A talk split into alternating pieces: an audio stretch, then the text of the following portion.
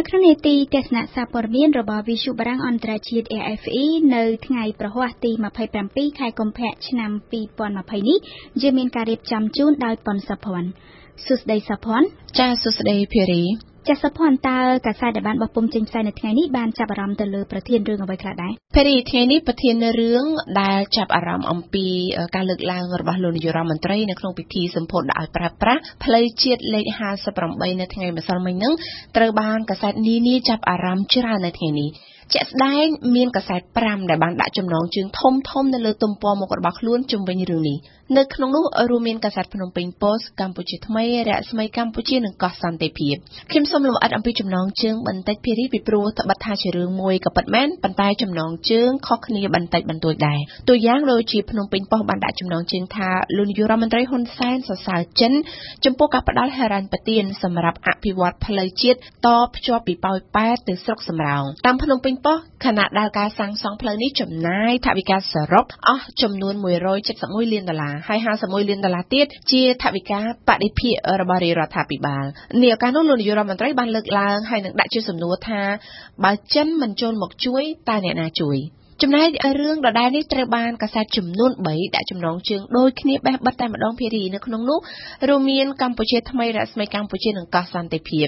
គឺថាកម្ពុជាសម្រាប់ចិត្តត្រឹមត្រូវសម្រាប់ទំនាក់ទំនងរវាងកម្ពុជានិងចិននេះឱកាសនោះលោកនាយករដ្ឋមន្ត្រីបានថ្លែងជាថ្មីថាការដែលលោកធ្វើដំណើរទៅកាន់ប្រទេសចិន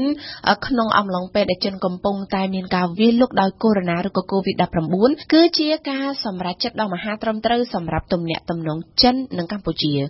ថ្លែងនៅចំពោះមុខឯកអគ្គរដ្ឋទូតចិនប្រចាំនៅក្នុងទីក្រុងភ្នំពេញលោកនាយករដ្ឋមន្ត្រីក៏បានអំពាវនាវឲ្យក្រុមអ្នកអត្ថាធិប្បាយអ្នកវិភាគរងចាំមើលថាតើនឹងមានសមិទ្ធផលអ្វីខ្លះដែលកើតចេញពីទំនាក់ទំនងរវាងកម្ពុជានិងចិននេះ ខុសពីកាសែតចំនួន5ខាងលើខ្មែរថៃនៅភ្នំពេញប៉ុស្តិ៍ជាភាសាអង់គ្លេសបានដាក់ចំណងជើងធំធំរបស់ខ្លួន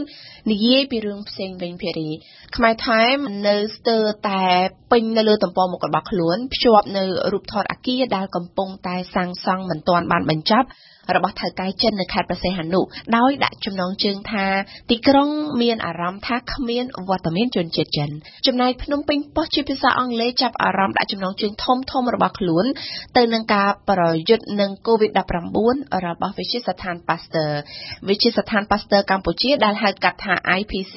បានចេញសេចក្តីប្រកាសព័ត៌មានបញ្ជាក់ថាមិនទាន់រកឃើញមានអ្នកផ្ទុកមេរោគ COVID-19 ផ្សេងទៀតនោះទេក្រៅតែពីបរិជនជាតិចិនម្នាក់ដែលបានជាសះស្បើយហើយនោះតែយ៉ាងណា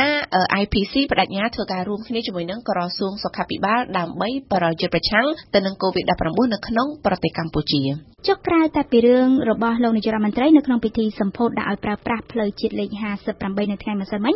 តើមានរឿងអ្វីផ្សេងដែលកាសែតបន្តចាប់អារម្មណ៍ដែរឬទេសុភ័ណ្ឌចាប្រកាសជាមានភារីនៅលើចំណងជើងបន្ទាប់របស់ភ្នំពេញប៉ុស្តិ៍បានសរសេរអំពីរឿងរដ្ឋមន្ត្រីក្រសួងមហាផ្ទៃប្រាប់ឲ្យបំពាក់ភ្លើងចរាចរណ៍និងកាមេរ៉ាសុវត្ថិភាពតាមដងផ្លូវក្រសួងការងារចេញលិខិតច្រើនច្បាប់តាក់ទងទៅនឹងវឌ្ឍនភាពការងារនិងចុងក្រោយគឺរឿងកម្ពុជាទទួលបាននូវចំណូលជិត5000លានដុល្លារពីទេសចរនៅក្នុងឆ្នាំ2019 ចំណែកនៅកោះសន្តិភាពចំណងជើងធំបន្តរបស់ខ្លួន គឺបានសរសេរថាសាលាដំបងបន្តសវនកម្មសំណុំរឿងលោកកឹមសុខាលោកនាយករដ្ឋមន្ត្រីហ៊ុនសែនផ្ញើសារថាច្បាប់គឺច្បាប់កម្ពុជាថ្មីថាចុងឆ្នាំ2019ភ្ញៀវទេសចរអន្តរជាតិមានការធ្លាក់ចុះដោយសារតែកត្តាជាច្រើនដែលកំពុងតែកើតឡើងនៅទូទាំងពិភពលោកនិងរឿងរដ្ឋបាលរាជធានីភ្នំពេញប្រកាសឲ្យក្រុមហ៊ុនចូលដេញថ្លៃសេវាប្រមូលសម្រាមនិងជញ្ជូនសម្រាមសូមអរគុណសាភ័ណ្ឌសម្រាប់បទអត្ថាធិប្បាយក្នុងនេតិទស្សនៈសាព័ត៌មាននៅថ្ងៃនេះ